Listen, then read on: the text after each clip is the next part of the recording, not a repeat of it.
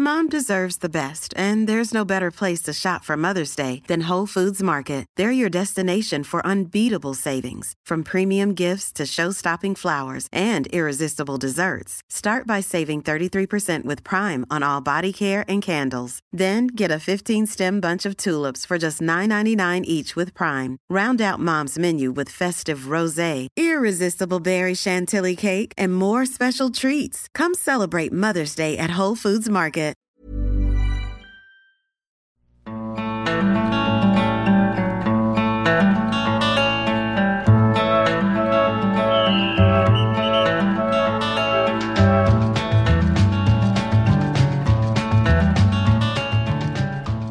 Allsvenska podden, det är tisdag. Ja, alltså det, det är så svårt med veckodagar tycker jag.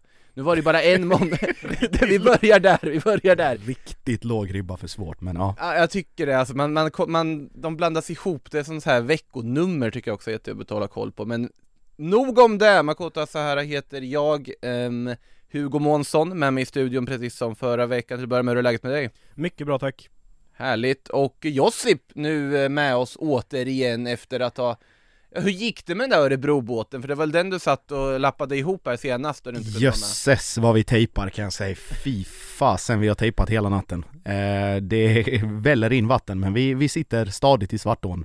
Sen om vi närmar oss botten, det är en annan, det, det är en annan historia Jag Men tycker- det är bra. Jag tycker vi börjar där faktiskt, för det är ju det som har kommit senast, vi kan ju bara gå rakt på sak helt Ja. enkelt. Till att Örebro Sportklubb, även kallat Sportklubben Nu förlorar igen, de faller mot Degerfors andra raka förlusten mot ärkerivalen den här säsongen. Hemma på Bern Arena 1-2 10 poäng upp till kvalstrecket, sex matcher kvar. Och då pratar vi lag som ändå knaprar in lite poäng här och var som är ovanför. Det är inga dåliga lag som de jagar, det är inga lag som är på någon sorts frifall. Ja, Halmstad går väl att diskutera deras form, absolut, och Degerfors innan de fick de här segrarna de har fått. Men samtidigt, jag vågar nog säga, och många andra har redan sagt det, Örebro SK spelar i Superettan nästa säsong.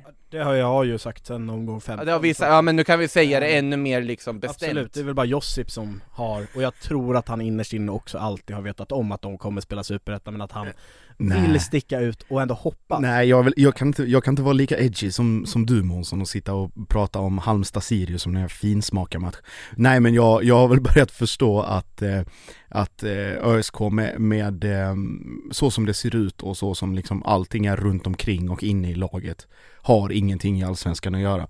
Eh, och det, det ska sägas då att de lagen som är precis ovanför, alltså med, med Blåvitt inkluderat, Mjällby, Halmstad, Degerfors då framförallt att om du ser så loj ut i en match som har så stor betydelse på så många sätt och dessutom på hemmaplan och att du inte ens lyckas uppbåda mm, egentligen 45 minuter bra fotboll, knappt det för det var bara i sekvenser och delar av andra halvlek som det faktiskt var någonting så kan nog inte ens eh, Ancelotti eller Mourinho eller valfri demontränare ute i Europa hjälpa dig. Och allra minst då Marcus Lantz för att det, det är ett självmordsuppdrag att ta Örebro, eh, eller ta över Örebro i det här läget och det som kanske, för, jag ska inte säga att det för, lite grann förvånar mig, men det som gör mig liksom mest uppgiven är ju då att de som ska verkligen axla ansvaret, de gör det inte. Nej precis Och det är då liksom alla prestigeövningar, jag pratar om Hamad, jag pratar om Besara, eh, jag pratar om liksom, Moro. Mo, Moro, ja, ja, men han är ändå inne Han är Han har ju varit väldigt bra, tycker jag. Nej det tycker jag inte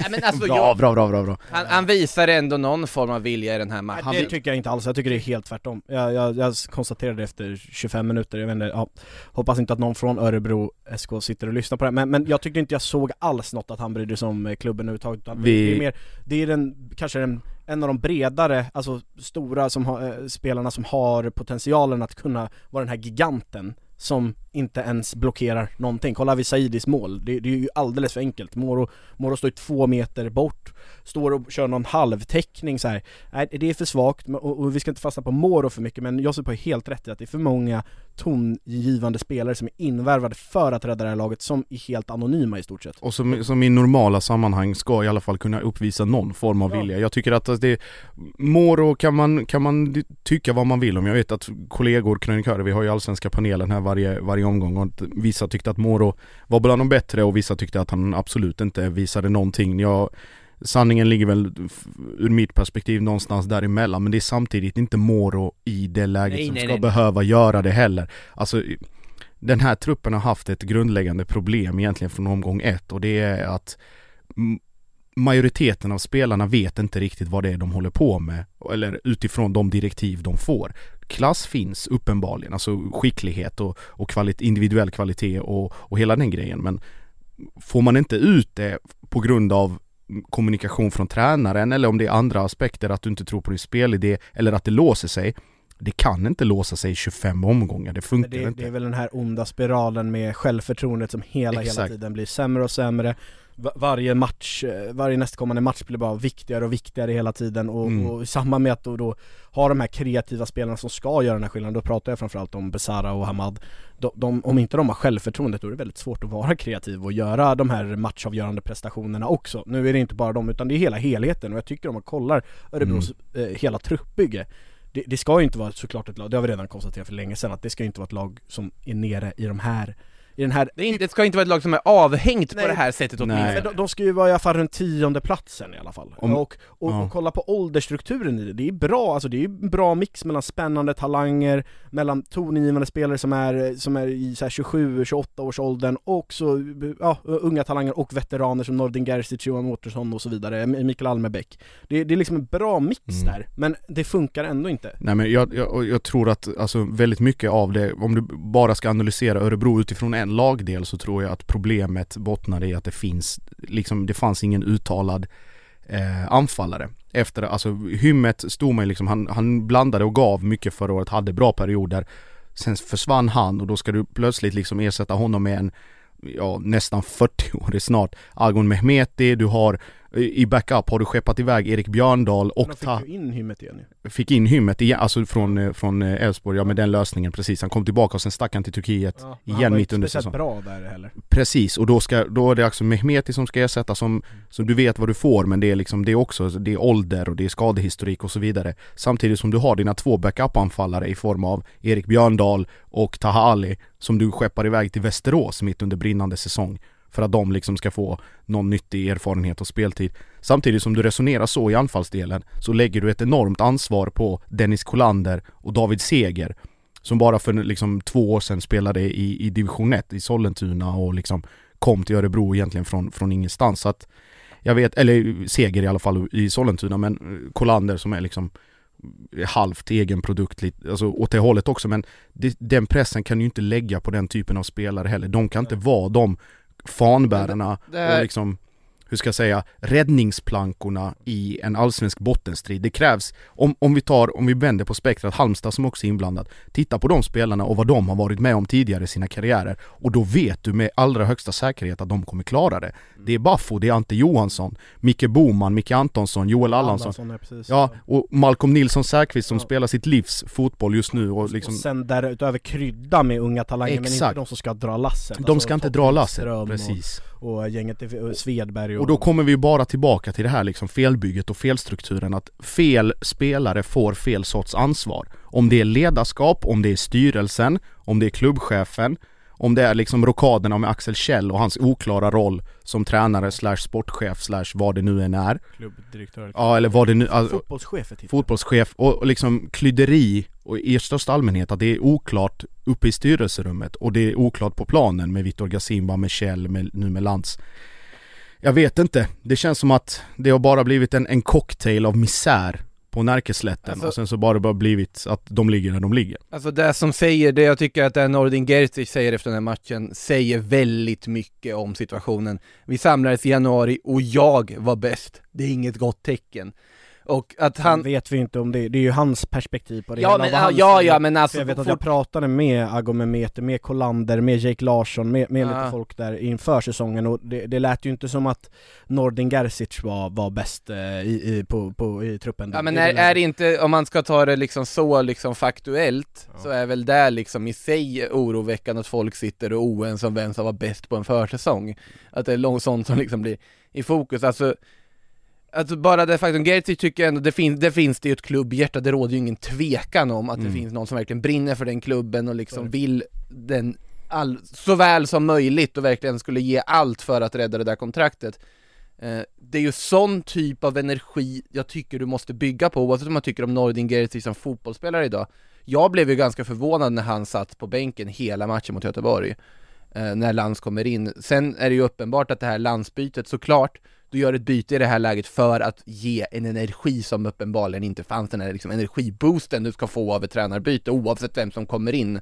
Du kan sätta in en kon på tränarbänken, du ska fortfarande få någon form av energiboost av att byta tränare. Men, men jag tror det har inte existerat. nej men hur många gånger kan man göra den saken? De har ju liksom bytt tränare nu två gånger redan den här säsongen, det funkar Mm. ju inte bara fortsätta. Såklart. Spelarna kan ju inte bli så lurade av att höra en ny röst. Eh, Nej men så- Marcus Lantz är ju en helt ny röst, Vitor Gasimba var väl inte en helt, helt, helt ny röst på så Nej, vis. Okej, det är sant. Det är- Och där, Mm. och där är det ju att de gör ju bara en strukturförändring för att på något sätt bygga något, liksom och få en, ja, ändring i dynamiken i laget, i truppen, på träningsanläggningen. Här gör man ju, när du tar in Marcus Lantz som är rakt utomstående, då gör du det för att bara liksom, det, det, det är en adrenalinspruta rakt in.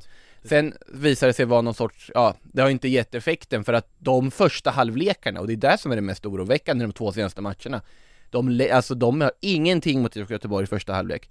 Och mot Degerfors också, det, det saknas ju Men jag tycker allt. de inleder ganska bra i- igår, då, då ser man ändå Nej, någon totalt sett. tendens av offensiv eh, lusta och att nu jäklar ska vi smälla på. Sen så händer någonting när Degerfors lyckas ta sig in i matchen, när de lyckas hålla kvar bollen uppe med Viktor Edvardsen, Saidi och Djurdjic som för övrigt är en offensiv trio som är, ska, eh, ska egentligen tillhöra en helt annan Ja, vi, ska, vi ska hylla Degerfors också av ska tabellen sägas. för att de, ja. de, där är det så mycket kreativitet och så mycket, alltså Edvardsen och Saidi och, och, och Djurdjic, de, de leker ju fotboll med varandra, alltså överhopp, kombinationer, eh, dribblingar, eh, det, det är ju faktiskt roligt att se, de, de ska ju vara egentligen, eh, den, den trion hade tillhört ett topplag i Allsvenskan om man ska vara helt ärlig. Men här är det ju också spelare som verkligen då lyfter med den här fantastiska inramningen som ändå var till den här derbymatchen med liksom otroligt stort bortafölje, mycket hemmasupportrar, var liksom elektrisk stämning för en sån ångestmatch. Och det, det är någonting som man måste skicka cred till också, även i Göteborg-Örebro-matchen där att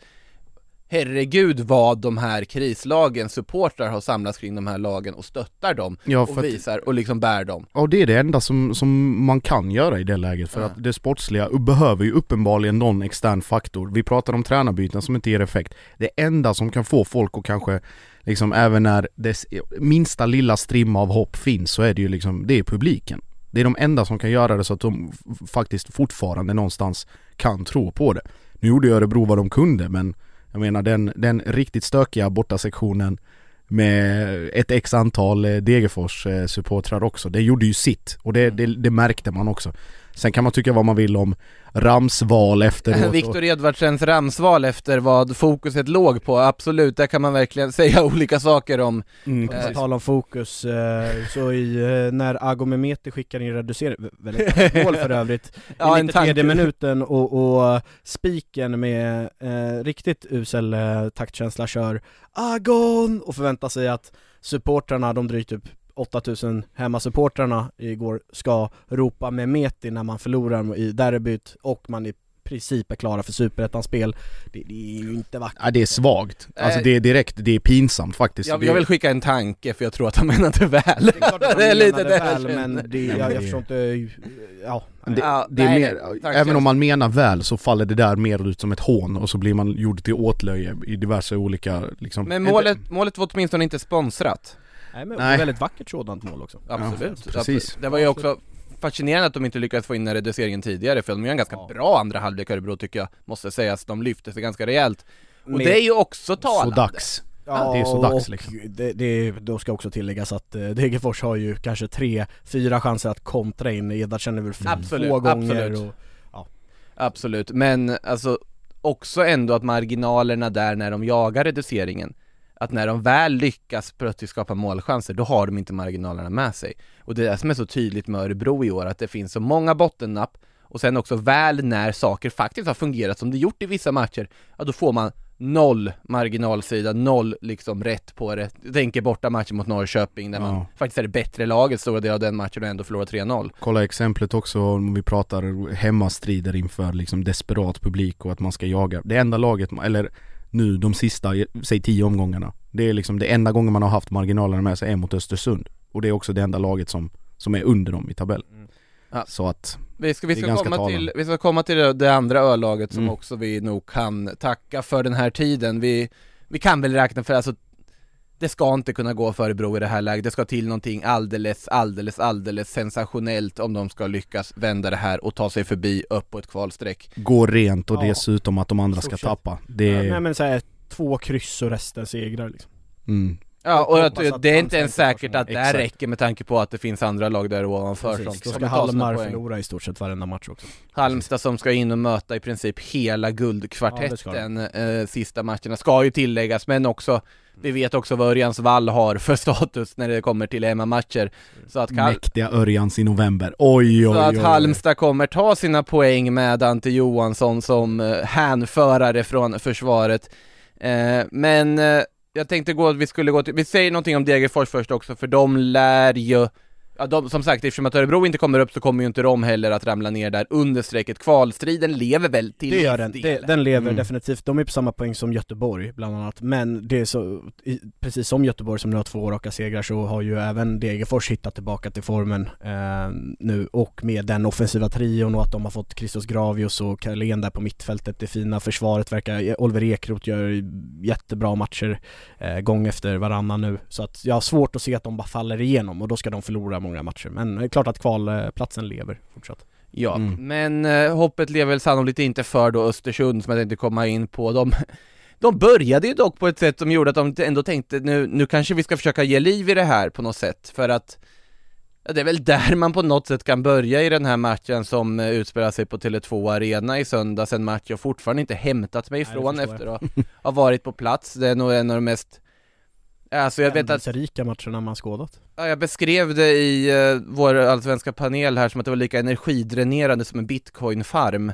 Att det liksom, att det, det bara, alltså det, det drar så mycket kraft, man vet inte riktigt vad man ska liksom fokusera på när man jobbar på en sån match.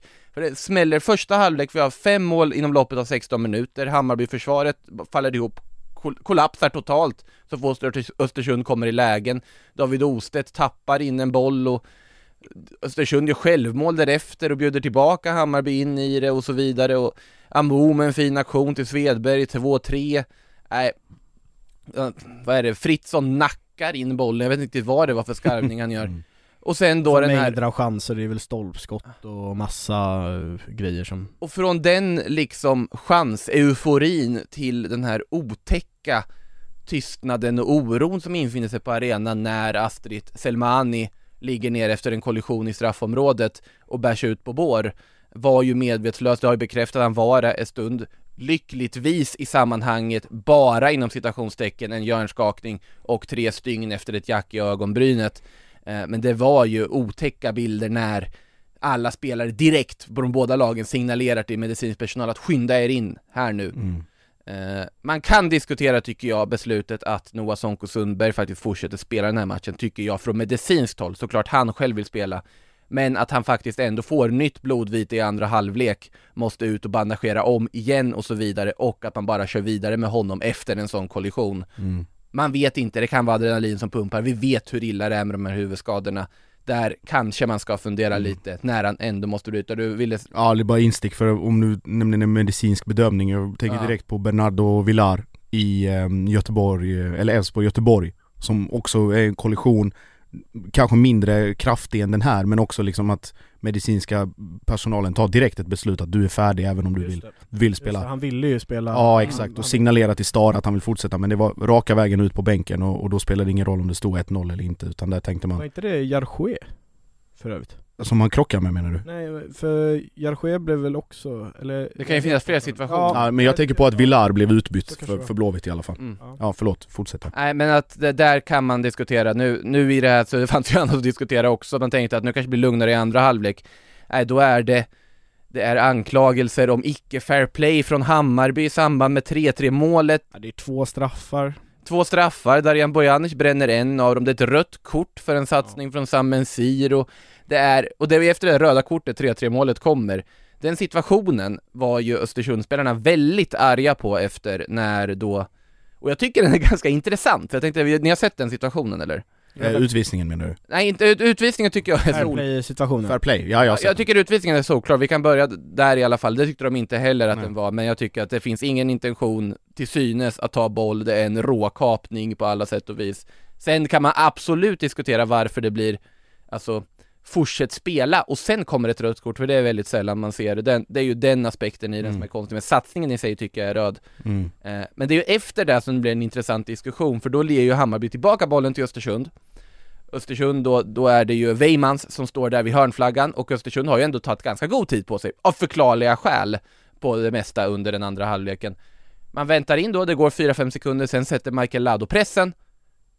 Weimans väljer att inte spela till Ali Keita bredvid sig utan slår någon chansboll rakt upp, studsar på Lado fram till Ludvigsson, pang 3-3. Och här har ju då Östersund, tycker att det här var icke fair play från Hammarby att sätta den pressen. Mm. Eh, sen samtidigt som tränare Per-Johan Hansen medgav att jo, det är väl en kombination av att vi ska kunna göra det bättre också i den situationen, absolut, Mm. men att de sätter pressen.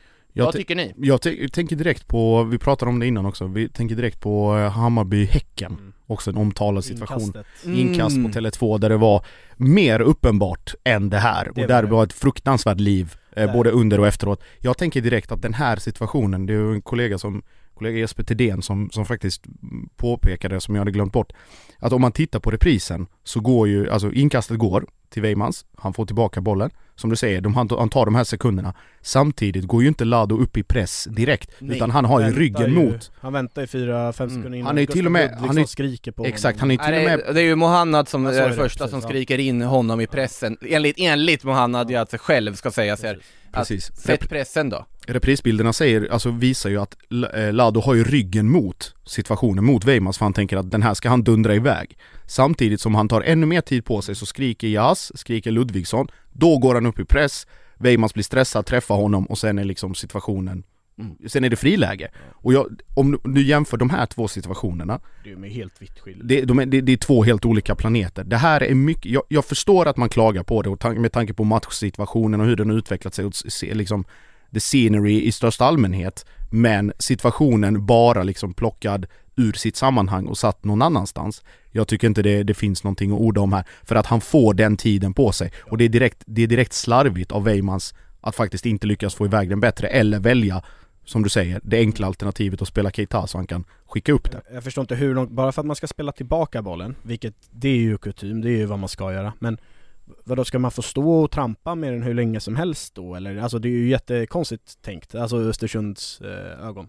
Nej, alltså jag, jag, jag håller... Vadå, Är det någon viss eh, sekunds eh, eh, intervall där man får eh, ta det lugnt eller vad, vadå? Alltså det hade varit en sak om Lado och Hammarby satte in en press direkt efter Det, det hade varit en helt Mm, och men st- absolut, springer, det- springer över Weimans Ja, innan precis. bollen har landat eller Precis, någonting. Men nu väntar de ju, han får ju vända upp, han får ju stå och titta runt ett tag innan han sen väljer att, när han märker att Ja. oj nu kommer han rusande mot mig För att han tar så god tid på sig Då, då skickar han iväg den och då blir det ju helt Ja, tokigt tycker Gustav Ludvigsson sammanfattade det ganska bra också efter när han sa att, ja men, det är ju så att om man då tittar på situationen där det blåses av på något sätt i det här läget, när Östersund då har bollen i hörnen, när de, och anledningen till att de får tillbaka bollen, då var de ju i ett otroligt mycket mer trängt läge vid den hörnflaggan. Här får han liksom fem sekunder extra än vad han egentligen Ja. skulle fått. Mm. Jag tycker inte det är något ord om, annars skulle han ju bara stått kvar där.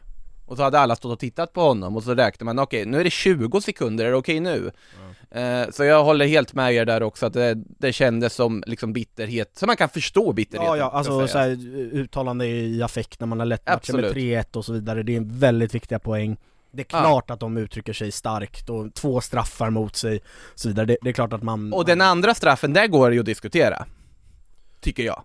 Ja, Det- han, det- kan, han kan ju inte göra så mycket, jag har läst vad Per-Johan sa i efterhand och, och han kan inte göra så mycket med armen men samtidigt så är det väl också upp till spelaren själv att hålla den Ja alltså ska problemet är ju att handregeln är så otroligt diffus. Ja precis Att- Exakt. Att det blir liksom en situation där man inte riktigt vet, ja hur medvetet är det? Mm. Hur liksom, hur mycket kan han styra över armen? Hur mycket är naturlig rörelse i den situationen?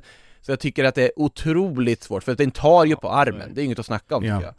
Men, ja, Det är också, och det, och det kommer ju återigen tillbaka för i, i- alltså i parallellsammanhang. Hade, hade man blå, bl- lät man bli att blåsa för Leo Korniks eh, arm mot de, alltså Degerfors-Djurgården så hade man också kunnat låta bli att blåsa för det här. Men då kommer ju å andra sidan man ska vända på det.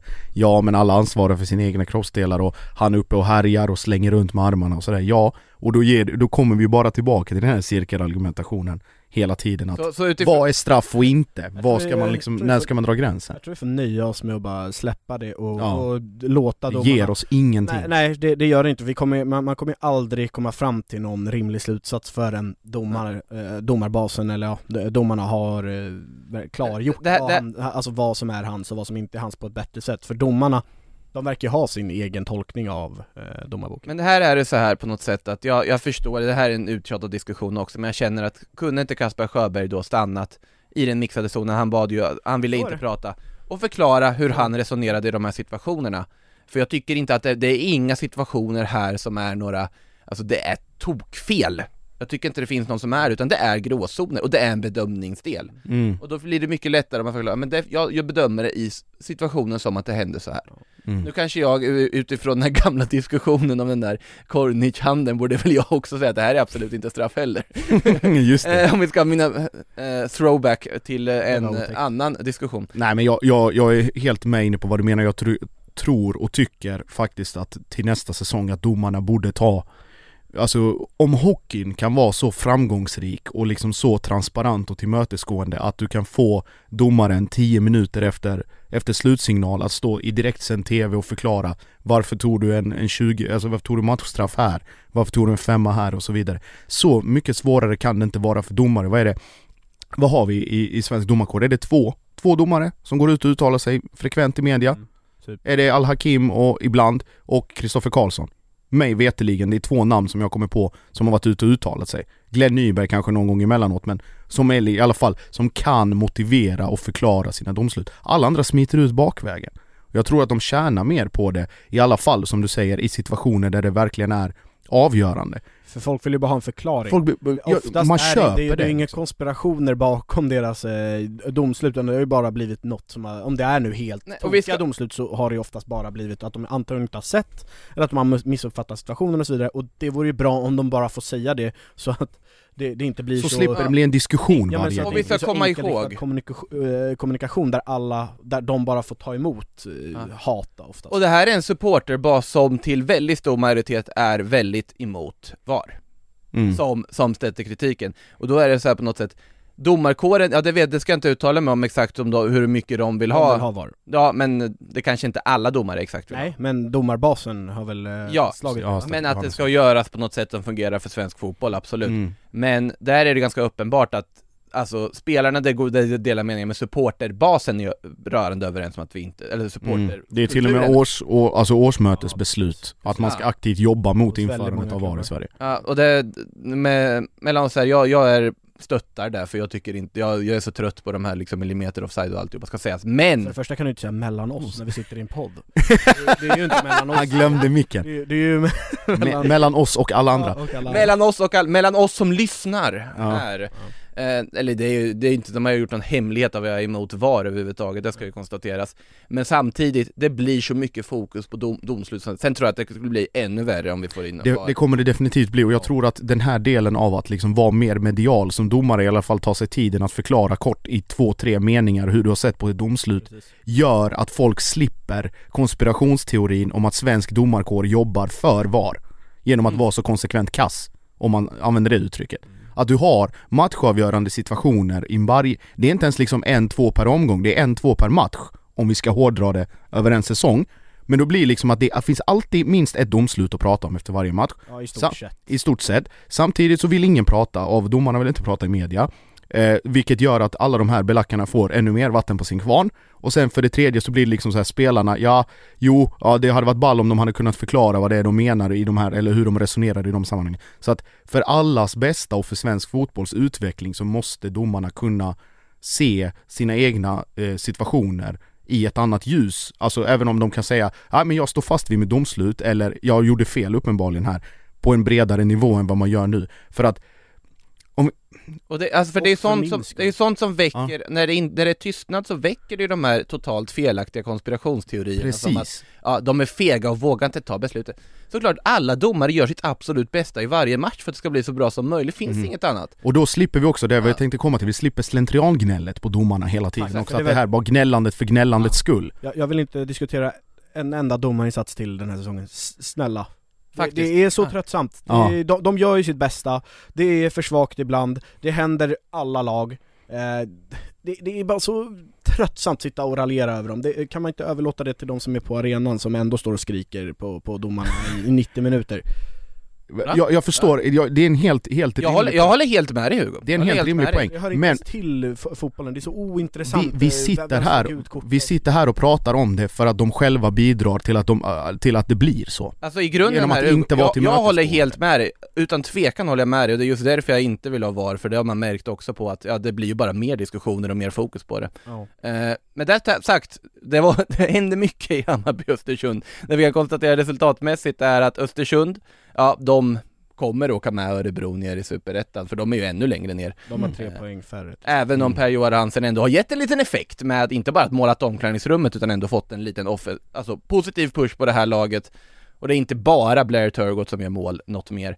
Eh, och eh, Hammarby, de är ändå med, tycker jag, i matchen här framöver om att kanske jobba sig upp mot och liksom utmana om toppstriden. Vi får väl se hur det går med det här ganska De har ju chansen men det är för många lag att passera Exakt. och Hammarby Det- känns fortfarande ojämna Exakt, Det är ju det att om man släpper in tre mål mot Östersund på hade de 20 gjort? minuter. Tre mål på bortaplan över sina 23 tidigare omgångar. Mm. Det finns Eh, ju och lite- nu gör de tre mål, med, med det sagt Hammarby skänker ju bort eh, målen, Eh, jag tror de har 0,3 i expected goals över den här matchen och gör tre mål Men oavsett, det, det säger väl någonting om Hammarby också och Mm. deras försvarsspel, att släppa in tre Att mål de ändå släpper in dem ja. Eh, nej men det är som sagt, jag håller helt med jag tror inte de kommer göra det men det väcker för dem ett hopp i alla fall att kunna kanske på ha någonting att spela för här de sista omgångarna Mm. även om det är en del tuffa matcher som väntar. Eh, nu tycker jag vi går till toppstriden, Ja. eh, Mm. för vi har faktiskt inte rört den än, Ska vi- en halvtimme av podden. Förslag, på tal om ojämna prestationer, ett lag som man blir extremt förbannad på varje omgång är ju Elfsborg. Ja, eh, Hur man alltså kan sitta- verkligen. Alltså jag är så, om du var trött på domardiskussionen så är jag så trött på att ha olika åsikter om Elfsborg från vecka till Olika vecka. Ja, men 0-3 mot Östersund följs upp med att, ja, okej det är inte omgången efter men, Mm. men för, någon vecka senare med att städa av, eller städa av, men, men krossa Djurgården på Tele2 Ja. med 3-0 Och sen leka, leka samba med, med Sirius som att det inte fanns någon morgondag och sen plötsligt var högaktuella för topp top tre. Jag, för, jag Det jag förstår Jag, jag, jag undrar vad de har i vattnet där och jag undrar vad, hur Jimmy Tillin orkar med att gå ut i träningen varje dag och liksom förvänta sig olika saker hela tiden för att det är precis det som händer. ja, fast nu har de ju ändå två raka 3-0-segrar. Ja, och så kommer de få tre raka 3-0 förluster för att det, det är så det funkar. Ja, Och det, det det, var osagt men det, det, visst finns det någon skrällchans där mot Ja, men ja, det- beskedligt motstånd och det, är lätt, det är lätt för oss att sitta och prata om Bayerns ojämnhet för att vi har, så, alltså, vi har det nära till hands, med, alltså rent geografiskt också men alltså, de, det, man pratar, alltså i en, I en vecka så smyger Elfsborg med för att Borås ligger i mediaskugga och ingen vill prata liksom så här. Det, det ligger inte naturligt att prata om det. Sen nästa vecka så bara, aj nu är de avsågade för att de tar två, tre, två raka 3-0. Skuggar de fortfarande med eller är de med? Aj, jag vill inte prata om det, vi pratar om något Det annat. är ju, man har ju gjort bort sig så många gånger i den här så podden trött. nu när man har dömt ut Elfsborg, tagit upp dem på nytt så att nej, nu, jag, jag låter det vara, jag är helt neutral, Elfsborg är där de är Ja. Vad ska vi prata om då? Jag säger som en annan kollega till oss, det är vad det är med Elfsborg. Så är det. Ja. det, vi kan, det vi kan prata om är ju Simon Olssons oerhörda assist till Johan Larssons 2-0 mål För, för det, det är ju larvigt ja, det, Nej men det, det, väggspelet, dansar förbi två, eh, eh, både mittback och, eller målvakt och mittback innan han slänger in den där lilla förnedrande passningen till höger, så Johan Larsson pi- pillar in i öppet mål. Och det, och det är såhär, ha Var det varit hela säsongen? eller det, det, vad, vad, för det första, vad gör Johan Larsson där? Vid mållinjen? Han är ju offensiv. Ja, en offensiv högerback ja, men, men det- var, var är Rasmus Alm eller eh, övriga? Ja. Men- Ja, nej, det- Täcker för Johan Larsson. Ja, och per, per Frick, avstängd. Jaha, kommer Sven Gudjonsen och skallar in två klassmål? Jaha. Jaha. För, för, alltså, det, förstår du vad jag menar? Det är helt omöjligt att placera dem. Det är, man blir så jävla trött bara. Förstår ingenting. Alla, alla guliganer får se det här som tokhyllningar för stunden, vi kommer säkert såga Elfsborg nästa vecka istället. Nej, de ska hyllas. eh, det- Ja nu. verkligen, verkligen. Simon Olsson, ja, vi har, vi har ju, det är ju inte någon unik spaning direkt att hylla Simon Olssons spelförståelse, teknik och kvaliteter, men Nej. eh, det är ett väl läge att göra det igen. På Det kan- tal, om, på tal om Karn, den som nog är allra nöjdast är ju Stefan Andreasson som sitter med ett femårskontrakt på Simon Olsson så att det är, Mm. finns eh, gott om godis att hämta där när den dagen kommer. Så är det. Um, ska vi ta oss till Friends Arena tänker jag, AIK där mot IFK Norrköping, det är väl ett lag vi kan Du sitter och gäspar här. Du, Ja. du var ju på plats. Ja, och det var ju, den där matchen har man ju sett sedan 2018. Varje år. Ja, och var och varannan match. Ehm, Det, det var inte roligt.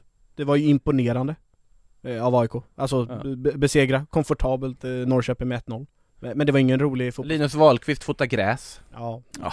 Nej, eh, man, man kan väl säga så att Stefanelli är ju en oerhört viktig spelare i AIK, för AIKs offensiv. Oerhört viktig. När han spelar så, så gör han ju ofta eh, målen, och ack så viktiga mål också. Och eh, sen så, ja, vad, vad kan man mer säga än att hylla AIKs defensiv som är så här, ja, de låter Norrköping föra spelet i andra halvlek, de får ha den hur mycket de vill, spela, spela upp en lite, några meter innan AIK bara har sin extrema försvarsfyra och så Nordfeldt där i kassen som bara Mm. stänger igen match efter match och ja, nej, men, ja nu, match, nu förlorade de ju Hammarby eh, veckan innan men, men Ja, ni det var ju bara po- ett mål i... Precis, och ja. ni förstår poängen att eh, AIK Mm. är ju oerhört solida och så förlitar de sig på att göra en kasse på fast situation, nu blev det öppet spel till och med Ja. Eh, och, ja, men man har ju sett den här matchbilden exakt så många gånger som man, Ja. när, när AIK hade gjort 1-0 då, då eh, visste man ju att det, Mm. skulle sluta 1-0 Och eller det- möjligtvis att de kontrar in 2-0 En annan aspekt som man också har sett hundra gånger är ju hur fruktansvärt starka, eh, stark den här fyran är när man spelar på Friends och hur fullständigt bortfintad den är så fort man lämnar Solna,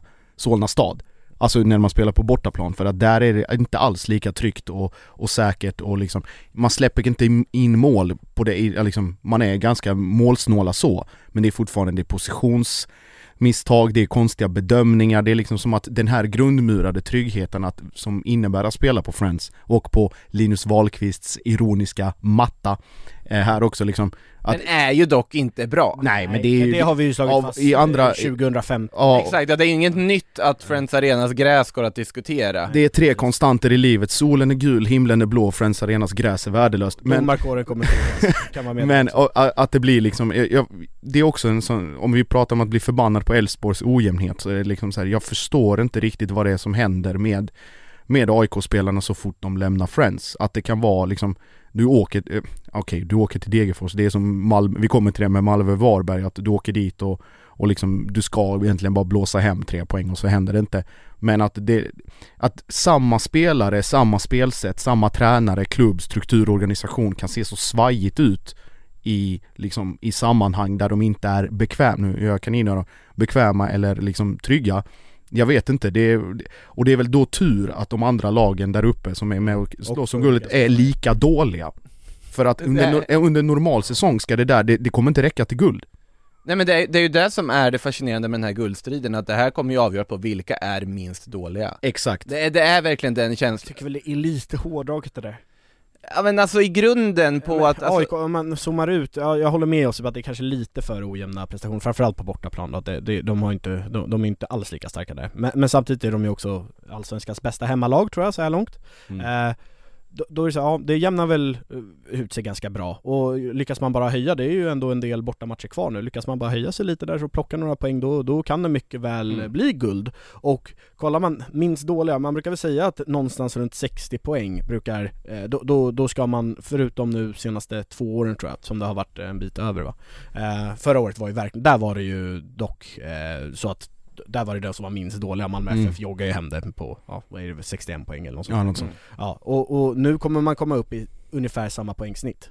det, det lär ju lag göra. Ja, alltså de som vinner kommer minst hamna på ungefär, alltså 59 poäng ungefär. Ja, men de, de topplag som gör det som kan väntas av dem, Precis. de kommer komma upp, av de som vi pratar om här uppe i toppen, de kommer komma upp runt 60 poäng. Ja men runt 60 poäng Och då-. Och då, då är det inte så, det, det är inte så avvikande som man, man vill Nej. göra gällande.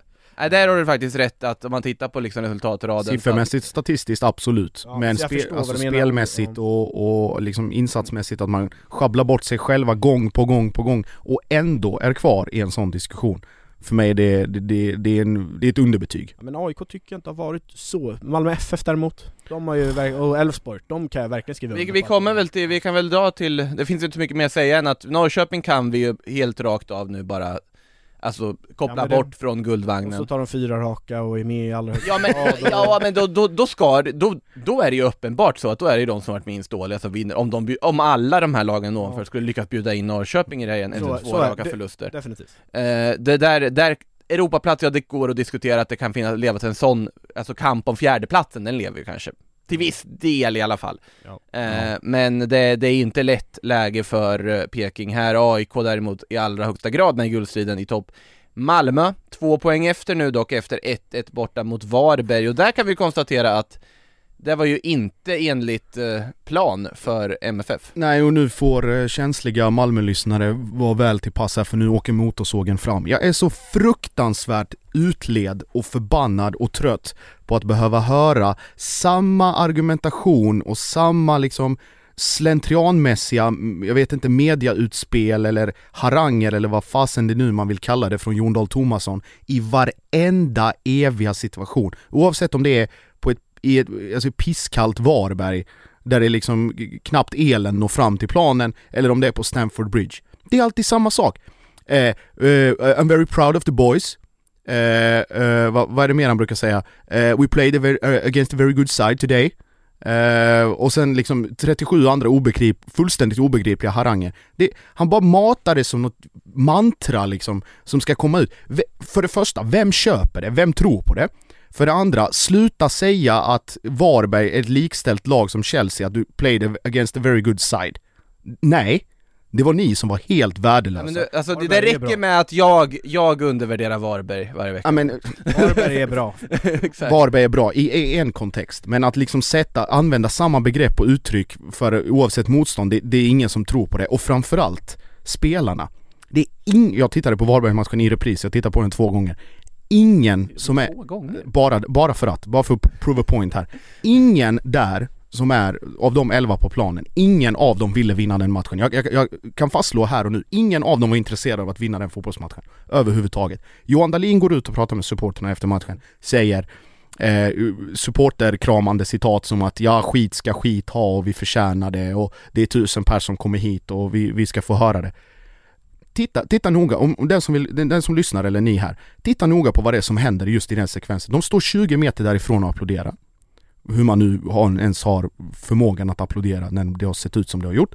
Man går ut, Johan Dahlin är den första som går ut till supportrarna. Han vet att han kommer inte kommer få något konstruktivt överhuvudtaget. Det kommer bara vara en massa skrik, dessutom på skånska, som är obegripligt i sig. Men först då så kommer, eh, vad heter det, då kommer Anders Christiansen.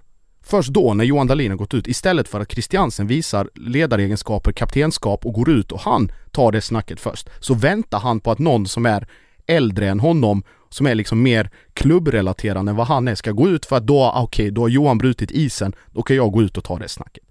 Alltså, det finns ett man märker att det existerar ett maktvakuum inne i Malmö FFs omklädningsrum som syns på planen för att ingen vågar riktigt eh, ta något ansvar eller leda de andra i, i, i rädslan av hur det ska uppfattas av en annan del av laget eller en annan gruppering. Det är uppenbart och framförallt är det någonting som inte som Malmö FF inte har råd med i det här läget. Vi pratade om det innan.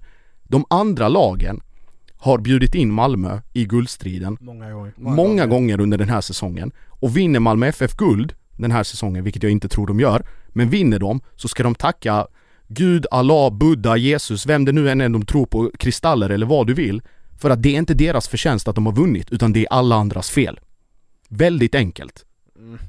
Nu har jag Samtidigt färdigrant. har de ju tagit eh, de poängen de Det var en rant. förtjänar. Det var en rant, Det var en rant. så att eh, jag har det var mina, min take där. Men jag, jag tycker, någonting som är intressant, och jag tror att vi har avverkat det i podden tidigare också, men vid flera tillfällen att och jag förstår, förstår frustrationen i det här när man är så pass skicklig som Malmö FF är, man ska vara det här ledande exemplet på att, ja men vi, vi eller det, det har man ju byggt sig under en lång period, men att vi, vi står liksom över de andra. Vi, vi har en annan nivå av professionalitet, vi är bättre på planen, vi ska bete oss därefter, vi har den här vinnarmentaliteten. Och vinnare, de går inte ut efter man har förlorat i en 50-50 match eller sådär och, och skyller på, ja men vi, vi ska egentligen vinna den här matchen med 5-1. Eller, eh, alltså i de, ty, de typen av där, uttalanden. där ska man säga liksom att Ja. man ska ursäkta sig till fansen eller Harry Maguire och säga sorry, det var, nej, det men var inte bra nog. Ja men uppenbarligen så, så förlorade vi, ja det, det kunde svängt åt vilket håll som helst men, men att den där bilden kanske inte målar sig så väl när man har haft chans på chans på chans Precis. och det, det, det är mycket ursäkter det är mycket do- domar... eh, Det är alltid, det är alltid någon annans fel. Ja, Börja med, börja med det så här. okej vi har, eh, det spelas fotboll i Malmö inför fullsatta läktare för första gången på 570 dagar plus. Man går ut och gör, och förlorar mot Mjällby. Bara sådär. fina Mjällby ska jag Mjällby är Mjällby. en sak, men att det finns ingen vilja där heller. Där är det bara så här, vi väntar på att någonting ska hända och kanske kommer det någonting. Nej, Mjällby vinner välförtjänt den matchen och det ska de göra. Ja, vad händer i Varberg? Samma sak. Man åker till London dessförinnan och får sig med, med 4-0 och sen så förlorar man mot Zenit med 4-0. Vad har man? Vad är det? 11, 12, 0 i målskillnad efter tre matcher i Champions League. Och sen så har man som klubbrepresentant eller som klubbchef mage att gå ut och klaga på en journalists krönika och säga att det är det dummaste man har läst. Fokus på rätt saker. För i... ett, ett pip, undrar Ja men ärligt talat liksom. Ja, Det, det- det, det- är ovärdigt, Eh, det är ovärdigt en förening som har den svansföringen, den kulturen och hela tiden det snacket och tugget och liksom självbilden av att, som du är inne på Hugo, att hela tiden visa att vi är minsann, vi står över svensk fotboll på ett sätt. Vi är bra för svensk fotboll. vi är, vi är bra för svensk fotboll, ja men gå ut och slå Varberg, gå ut och vinn mot Mjällby. Nu, bara för det. Och det är väl det som är vinnarmentalitet, att oavsett vilka man möter och när man väl förlorar då acceptera det Ja. som en vinnare. Ta Sluta- det som en vinnare. Sluta Inte- snacka, börja prestera. Men det, det är ju också lite, det, jag ser ju det här som ett tecken på att Malmö FF själva i dagsläget, om det så är från en spelartrupp eller från en ledning, inte vet vad det är som inte fungerar. Nej, Att de, de, inte- de kan inte sätta fingret på varför får vi inte dem, varför får vi inte det här att fungera? Vi har truppen för att göra det. Ja men, men skadorna ska ändå nämnas där någonstans, för det är lite för det, det är samma elva nu i princip, det är Ja. ja. men det, det är sam, även om det är väldigt, väldigt bra nu, fruktansvärt bra nu, elva. nu har Christiansen, eh, Birmancevic och Colak, de som ska elva. göra skillnad, har startat så många matcher i rad nu, både i Allsvenskan och så vidare, men, men det, det kanske hade behövts lite mer rotation där, alltså Lewicki, Moisander, alltså de namnen som ändå är invärvade för att kunna Och även, det här. även om det här går emot vad MFF vill stå för och vad MFF har för aspirationer så säger jag att det smartaste för dem att göra nästa match Skicka ut eh, reservlaget mot eh, Chelsea i returen. Ja, det, det håller jag med om också, men Alltså- det går alltså, väl emot det- självbilden. Det kommer de aldrig göra, Nej. det kommer de Nej. aldrig göra, men i läget när det är uppenbart då att den här truppen, som det ser ut just nu, inte kan hantera de två fronterna. Man gör, man, tycker, man man, behöver ha lite hunger i Allsvenskan här nu. Man behöver... måste man hunger. måste låta dem vila för att komma in med ny motivation För jag och slänga in krydda till med någon annan jag tycker bra. man ser hungern i Champions League-matcherna bara att de inte räcker till. Att Ja, det, det är så pass klasskillnad. Det är en sån det. klasskillnad. I den här Ja. Chelsea-matchen har Malmö absolut ingenting att skämmas för i hur de agerar borta mot Chelsea. För att de, det- de räcker inte till, de försöker och det, det slutar med att det blir två straffar mot dem för att det går för fort. Mm. Men de måste ju ha den hungern och vilja visa och det måste finnas en status situation för dem och liksom en stolthet i att Mm. det är ett supermisslyckande för MFF med den truppen, med de kvaliteterna, med sättet alla har burit in dem, att inte bara gå hem och vinna det här SM-guldet. Exakt, och det, det, det får mig osökt att tänka på nästa grej för att som Malmökännare man är, som man har jobbat där nere så länge och, och runt klubben och bevakat och hela den grejen. Alltså det här, man, man, för att använda supportertermer Det är ingen underdrift eller det är ingen överdrift heller att kalla, kalla vissa av de här spelarna eh, för överbetalda primadonnor. Det är ingen överdrift för att de här har extremt svårt att motivera sig från att gå och möta Chelsea på Stamford Bridge till att åka till Varberg. Det är svårt för en allsvensk vanlig genomsnittlig spelare att gå från fulla hus på Tele2 eller på Friends eller i Norrköping för den delen och sen åka till, till Stora Valla eller Strandvallen eller whatever. Det är jobbigt, det, det är inte det lättaste och du ska ha Och det liksom, är skärmen med allsvenskan. det är charmen med allsvenskan, men du ska ha ett visst mindset för att klara av det. De här visar ju inte ens ett intresse av att försöka. Det här är liksom så här, kolla på mig, nu ska jag synas i de största europeiska scenerna, jag ska bli såld, jag ska gå vidare. Och det är en del av fotbollen, det, det, det är ofrånkomligt, för Malmö har blivit den typen av klubb att du slussar igenom spelare från mindre sammanhang ut i världen och det, det är alla medvetna om. Men att även samma bild syns hos spelare som är födda in i MFF, som är upp, alltså uppvuxna med klubben, gått igenom akademin och sen går ut med den attityden, för mig det är oförklarligt. Det, det, det, det, det, är, det är oansvarigt, det är skämmigt. Faktiskt. Eh, men jag ska bara slänga in att Robin Simovic gjorde mål för Varberg, det, det piggar Oerhört det, glädjande. det, det, det piggar upp tycker jag. Ja, tycker Men jag. ett lag som inte hade problem med att åka till Strandvallen och motivera sig, det var IFK Göteborg. Där tycker jag vi har sett en ganska intressant utveckling här efter segern Mm. mot Örebro. Ja, vi kommer naturligtvis till Djurgården också, det här var bara jag, ganska jag passande. ville ju att Carl-Johan Eriksson skulle slå rekordet. Jag ville ju att Anders Torstensson, sagan, Denna skulle saga. fortsätta. Ja, alltså det, jag, jag såg ju fram emot ett 2022 där Mjällby går rent. där, Mjällby, där Mjällby tar det där guldet. Ja. Med Torstensson, med inlånad Sar som de länge med, och så Bergström på topp, och så Bara manglar. Ja, bara gå rent och bara håller nollan, nolla, nolla, Konstant. nolla 4-0 mot Elfsborg, eller Kalmar och 3-0 säljer Bergström till Premier League för 100 miljoner. Ja. Men nu fick det ett hastigt Ja, du fick det Ja, hastigt nu, ut. nu blir det inte så. Innan vi, innan vi går över på Blåvitt, ja vi pratar om ledarfigurer i backlinjen med Moro i Örebro som har fått liksom totalt motsatt effekt än vad som var önskat. Mjällby, vi har varit inne på det innan, Mor, eh, Gracia Moro. Eh, Moros. Moros, förlåt. Det får lägga till ett. Eh, Ja, precis. Ov, alltså från sekunden han ställde sig i den backlinjen fram till, till idag har det varit liksom helt fullständigt fläckfritt. Och det har ju också synts uppåt i banan. Att de andra kan slappna av mer och, och vi, liksom, hur ska jag säga, låta, eh, låta fokus vara på det som fokus ska vara på och inte behöva täcka upp det hela tiden, tänka på vad som finns bakom dem. Så mm, enkel parallell, men han fick även, segway här, eller övergång, han fick vika sig för, för Blåvitt, eh, Mjällby fick vika sig tre gånger om. fanns ju i och för sig en Mahmoud och Moro också, det, det Vår vän. Det är vår vän. Eh, Vår vän. Så att, eh, nej men i alla fall, Göteborg vinner ju här med 3-1 och eh, viktigt. Carl Johansson kliver fram, han, han vet vi är duktig på Oh ja, och det, det att hitta mål också. Men det som är så oerhört starkt är att faktiskt åka till, med, med alla Ja, hyllningar till Mjällby, som, om vi ska vara seriösa, det, de har ju varit på sin plats eh, och de, de har ju liksom gått från klarhet till klarhet och så kommer Göteborg dit med en extremt tuff bortamatch i ett extremt tufft läge av säsongen där man verkligen bara behöver poäng, där de verkligen ville eh, slå, alltså följa upp eh, star, starka segern, eller ja, starka, men segern mot Örebro med, med nya poäng Mm. Och vinner med 3-1, eh, utvisning eh, på, på um, Kritschak. på Kritschaka precis, eh, förvisso, men ändå oerhört starkt att faktiskt åka dit och, och ta en 3-1 seger. Det, det ska... Och framförallt extra starkt att Kalle Johansson i det läget Blåvitt befinner sig spelmässigt när 2-1 kommer, att, att göra mål där. För de är helt enkelt, alltså Blåvitt är utspelade efter Sars mål. men, Fullständigt. Men då går ju energin ur. Ja, de orkar inte längre. Och, det, och Sars mål, det är, det är klassavslut. Men han är ju klasspelare. Alltså det är fascinerande dock, att nu, nu vinner Göteborg och spatserar upp lite i tabellen, fortfarande såklart i allra högsta grad inblandade i den här striden om Men positiva vibbar. Ja men positiva vibbar har man utan tvekan i dagsläget Men Mjällby, som alltså är bara några minuter ifrån att slå rekord i noll, nollor på rad liksom, att inte med. släppa in mål De är en poäng över kvalplatsen Ja. Mm.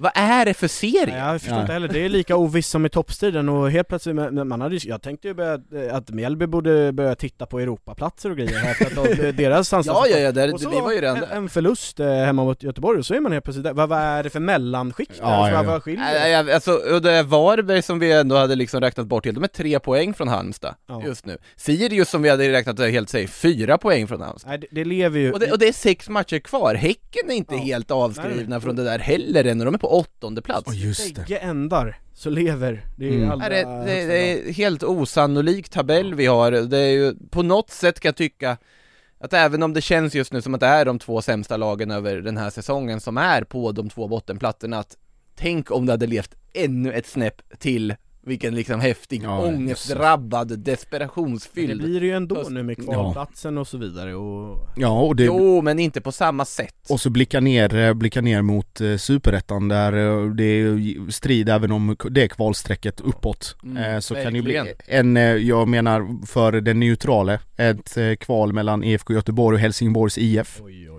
Vi, vi, Mörk, vi, riktigt mörk eh, match. Vi skänker en tanke till alla reseplanerare i de olika lagen som ska försöka lösa saker där i decemberkvisten när alla ska boka julresor och allt också Ja, och de ska försöka ta sig till en plats de ännu inte vet i och med hur kvalstrecken avgörs. Jag tycker innan vi går in, fastnar där, vi måste ta Djurgården också tycker jag som, som faktiskt leder den här serien Det gör de. eh, och Mm. gör det efter en 3-2 seger mot Kalmar, en match med två ansikten kan man väl säga Ja men jag, jag är väl Nej, ändå- du, Jo men eh, d- d- Ja. första halvlek, Djurgården leder ju jätterättvist, 3-0, eh, har ju bud på fler mål. Kalmar dock har några kontringar där, någon omställning eh, som, som kunde mycket väl ha eh, blivit mål. Eh, I andra halvlek så, Djurgården för ju fort, alltså de, de har ju fortfarande mycket goda intentioner, det ser ganska stabilt ut och sen så Kalmar kontrar väl in i stort sett två mål och det blir darr på det hela. Men Djurgården löser ju det där. alltså de, de, de har- alltså fixar den här matchen i den första halvleken och det är, det är en strålande första halvlek de gör tycker jag, där allting på något sätt funkar för dem, de utmanövrerar Kalmar helt och hållet Chilufya inleder målskyttet, Hjalmar Ekdal såklart på nick Såklart. Med, från, Eh. assisterad av naturligtvis Magnus Eriksson, självfallet Och sen då, på, Ja, då the cherry on the top, Mm. alltså Emanuel Bandas avslut där, det, det går inte av för hackerna Det är inte dåligt, det är det inte. Nej, det var kul för honom inte han får göra ett sånt mål liksom och Ja, i hans andra start i rad nu eh, i Mm. Rasmus Schüllers frånvaro och eh, ja, han, han har ju spännande egenskaper. Ja. Och vissa, vissa vill ju få det där eh, målet till, eh, vad var det, Zlatan eh, paralleller jämför. Ja, kan man Nej, tycka det, det man låter vi... han, han, får, han får titta åt andra hållet när han gör det och vara liksom otroligt mer ur vinkel om vi ska jämföra med det där otroligt England-målet stö- mycket större match än Djurgården-Kalmar i oktober. Svag, Ehm, svag jämförelse, T- Ja. två, knappt två plus. Nej, det är ett Ja, starkt. Nu vill jag, nu vill jag sträcka mig så långt som att jag tycker faktiskt Djurgården-Kalmar är en större match än en vänskapsträningsmatch Ja, ja, ja. Om Ja. det tvistade lärde. Ja, så, Jo. så är det oh, det, Invigning var det väl då förvisso va? Ja just det, Ja, invigning ja, för Friends också, ja det är sant, det, det, det satte standarden Sverige-England. Men jag, jag är allergisk mot uh, Jo, träning jag, jag håller med dig exakt i, i, Ja. i men, men ändå. Parallellen kraftigt överdriven, summa summarum. Ja, och eh, dessutom en totalt onödig diskussion som var helt irrelevant för sammanhanget Men sen, alltså Kalmar, de, de studsar tillbaka tycker jag, de kan ta med sig ganska positivt. Isak Janssons inhopp strålande när han ligger bakom. Jonathan Rings reducering och sen även sätter reduceringen sen assisterad av en annan ring. Eh, Sebastian. och, slu ja, och slutar ju faktiskt den här matchen med en XG-siffra som är dubbelt så hög som Djurgården, ska sägas också. Lite förvånande ändå Ja men det var lite så här flipperspel i Djurgårdens Mm. straffområde vid något eh, skede där, eh, jag kommer inte exakt Den, den pluppar upp några, men, några... men, där det är mycket föt- Kalmar-fötter på bollen Mm. som nog eh, noteras som eh, avslut, eh, ja gånger flera Hoppa upp några decimaler där liksom Precis, men med det sagt, ja, alltså det kunde ju men det, det, det blir ofta sådär när ett lag går till halvtidspaus med 3-0 ledning att man, man är inte Mm. lika noga och ja, jag vet inte hur mycket man ska ta ifrån sig rent statistiskt. Alltså, de, de håller ihop det, XG de över ihop. en match är ju inte jätteintressant. Nej. Ju... men de håller ju ihop det, det är det viktiga här, absolut det finns diskussionsämnen att ta med sig till Kaknäs Att man ändå släpper in två mål och på något sätt bjuder in Kalmar den här matchen Men, Jag tror många av de frågetecknen kommer redas ut nu när Rasmus Schüller är tillbaka från sin avstängning. så är det också han, han är ju hur viktig som helst Så är det också. balans. Så är det utan tvekan, ska vi säga att Haris Radetinac tillbaka här nu också Ja. i matchen alltså, Han är bra tycker jag som högerback verkligen, har tagit den där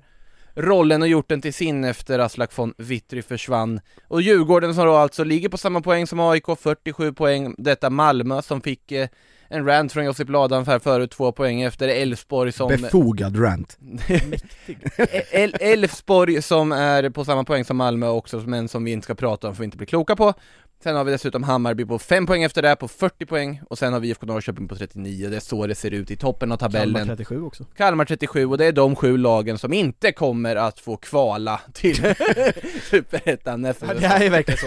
Men resterande kan det faktiskt, det är så sjukt. Exakt. Det är där. Vi ska säga att Häcken förlorar mot Halmstad hemma med 2-3 och det är just därför som Häcken faktiskt kanske riskerar att Det var väl en Ja, ganska, jag såg inte matchen men visst var Mycket det, högoktanig ja, tillställning. men var det inte en eh, ganska bra vändning av eh, Halmstad, eller? Absolut, det var en vändning. Det var var, det. det. var ju Sadat Karim som Precis, låg bakom historia, just det. gör 2-2 målet i, efter en timme och sen är det Emil Tott Wikström av alla människor spelare som är väldigt lik Björn Anklev enligt såg eh, kollega Per Boman som gjorde 2-3, bara, bara en sån sak. Men oerhört viktiga poäng för eh, Kalmar, eller Halmstad, Ja. förlåt. Eh, oerhört viktiga poäng för Halmstad i, eh, det- i det läget de befinner sig. ja. Och att faktiskt hitta tillbaka nu, för de, vi, vi har ju hyllat Halmstad i många avsnitt och så vidare för deras robusta, stabila Mm. prestationer. Sen så har de hamnat i någon formsvacka här där poängen har uteblivit och det är ju kryss på sin höjd, men nu tar fan imponerande Och framförallt, alltså, Arena ju... Och till alla highlight eh, reel makers där ute som ska göra krönikor och diverse urklipp den här säsongen. Eh, från 85 och framåt, det Malcolm Nilsson Säfqvist gör i Halmstads mål där är bland det sjukaste jag har sett på år och dagar sett till målvakts, målvaktsprestationer. Han är, han är fan i mig överallt. Han, han tar varenda, liksom, fri, jag tror Jeremejeff får ett friläge i 93 och han bara liksom parerar den åt andra hållet och slänger sig och fläker sig och jag vet inte vad, men det är overkliga sista, sista fem. Så det, ja, och man märkte det också efteråt, det var ju tokjublande.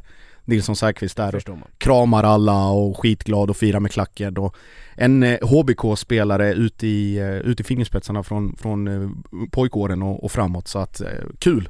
Och extremt välförtjänt. Han har gjort en väldigt stark säsong. Väldigt, väldigt stark säsong. Så dagens ros från eh, Josip Ladan går alltså till Malcolm Nilsson. Och ris. Riset har vi Från, eh, redan, vi vi har redan behandlat, jag tycker det jag som eh, med japanskt påbrå tycker att ris har fått liksom helt fel innebörd i allmänhet, men det jag, vill, jag ville bara få det sagt liksom att den språkliga diskussionen tycker jag borde tas med tanke något på att bättre. Dagens- Brunris då? Dagens, det där kan få vara med dagens kvast till MFF. Vitt ris, det är livets korn enligt mig. Det är samma ord som mat på japanska. Då har ni lärt er någonting. Gohan. Mäktigt. Eh, med det sagt tycker jag vi går till frågor istället för att fastna i en diskussion om ris.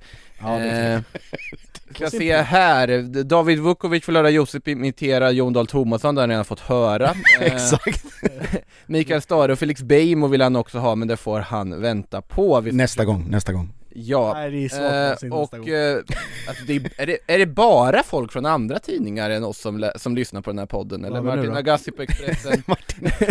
Omgångens tränare Josip, hur gör du för att bli bra på fantasy? frågar han och du... Eh, då, var omgångens... då, kan, då kan jag kliva in där och säga att han inte alls är bra på fantasy utan han har ju maximal tur när man har ett spökskepp som det kallas när man Så- inte har ändrat en spelare sedan 12 juli. Jag kan Råkar Som ni hör så är det väldigt mycket bitterhet det, från det, det ska vi vara transparenta med, Det här- är väldigt mycket bitterhet när man själv lägger ner tid på det. Ja, Det här exakt. påminner mig om ett år när det var liksom så här SHL Dream Team här på redaktionen När en av våra liksom mest hockeykunniga reportrar, Jonathan Nilsson, hade satt ihop ett lag.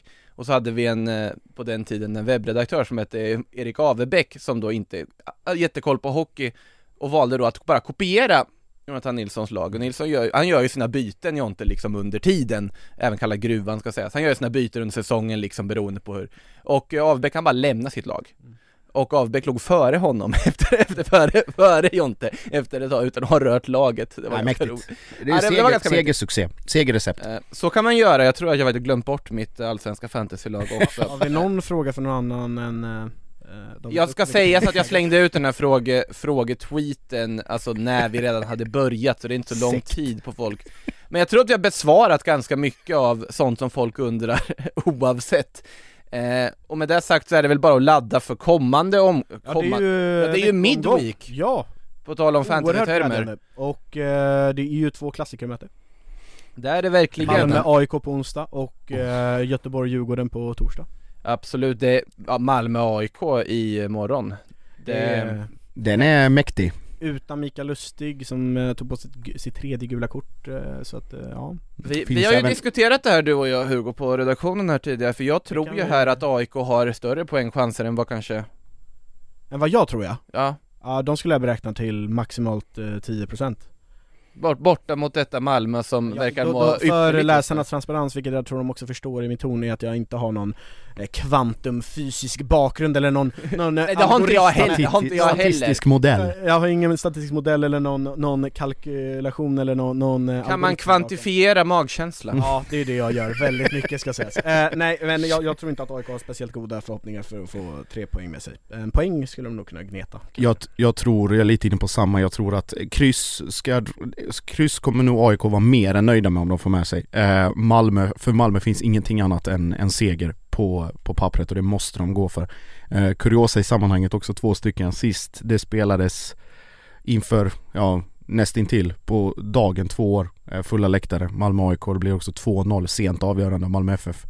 Eh, och annan kuriosa, AIK har ju fortfarande inte vunnit i Malmö Sedan sedan, 96. sedan 1996. Så att eh, det finns ju, finns ju rekord att bräcka och med all, tanke på vilken säsong vi har pratat om och att man blir inte klok på någon och hur dåliga alla är konsekvent liksom varierar i att vara kassa så är det väl kanske den här säsongen som ett sånt rekord ska slås. Ja, nu tror inte jag det men jag tror, jag, jag utgår från 2-1 till Malmö FF i, i det mötet. Däremot tror jag att Blåvitt kommer gneta till sig 1-1 mot eh, Djurgården. Det är precis min eh, prognos också. Mäktigt. Eh, men eh, det vi däremot kan slå fast är ju att eh, Degerfors-Elfsborg har vi ju inte en blekaste vad det är som kommer ske. Alltså, det, det, Det, det, kan ju lika gärna vara 4-0 Degerfors som eh, 5-0 alltså det, fin, det finns så många matcher jag bara sitter och tittar på och tänker att jag har absolut ingen aning hur det här kommer gå. Degerfors, Sirius Elfsborg är en. Absolut ingen aning. Nej. Kalmar, Varberg, nej jag har nog ingen aning om den heller. Östersund, Häcken vill jag slänga in där att jag är inte säker på att Häcken åker dit och tar tre poäng. Eh, inte. Halmstad, Örebro, där, ja, Ångest. ja, Örebro måste vinna, det kan vi konstatera i alla Åh, fall. fan. Jag... Med den solklara, Norrköping-Mjällby helt, helt otippbar också så att... Eh. Jag undrar, jag undrar bara vilket är veckans finsmakarval, Månsson? Ja, det ska vi reda ut här och nu. Finsmakarvalet. Mi- eh, Mittveckan eh, bjuder ju på som lyxigast, ja jag lutar mig nog åt Degerfors-Elfsborg då. Mäktigt. Det, det, den kommer jag sitta och bänka på. Eh, ja, det, d- där vet man inte vad som kommer hända och de, de offensiva mot varandra, eh, alltså, eller för det första, bara se Simon Olsson spela fotboll, gör jag gärna.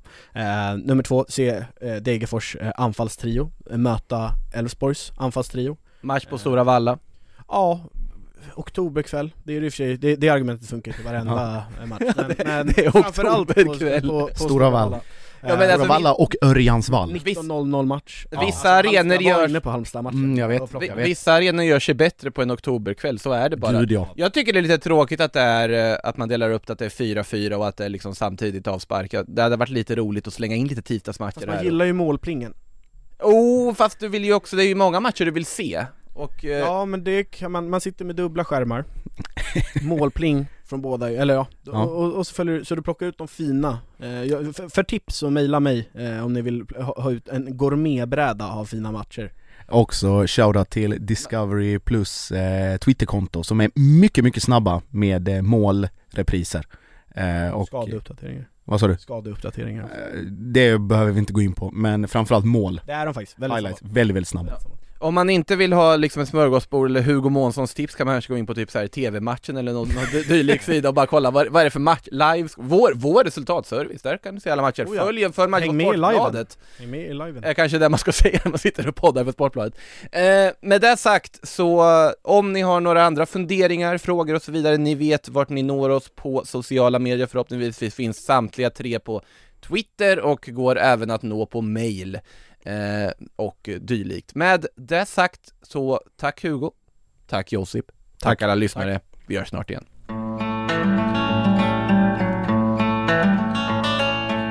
Du har lyssnat på en podcast från Aftonbladet. Ansvarig utgivare är Lena K Samuelsson. When you're ready to pop the question, the last thing you want to do is second guess the ring. At Bluenile.com, you can design a one of a kind ring with the ease and convenience of shopping online. Choose your diamond and setting. When you find the one, you'll get it delivered right to your door. Go to Bluenile.com and use promo code LISTEN to get $50 off your purchase of $500 or more. That's code LISTEN at Bluenile.com for $50 off your purchase. Bluenile.com code LISTEN.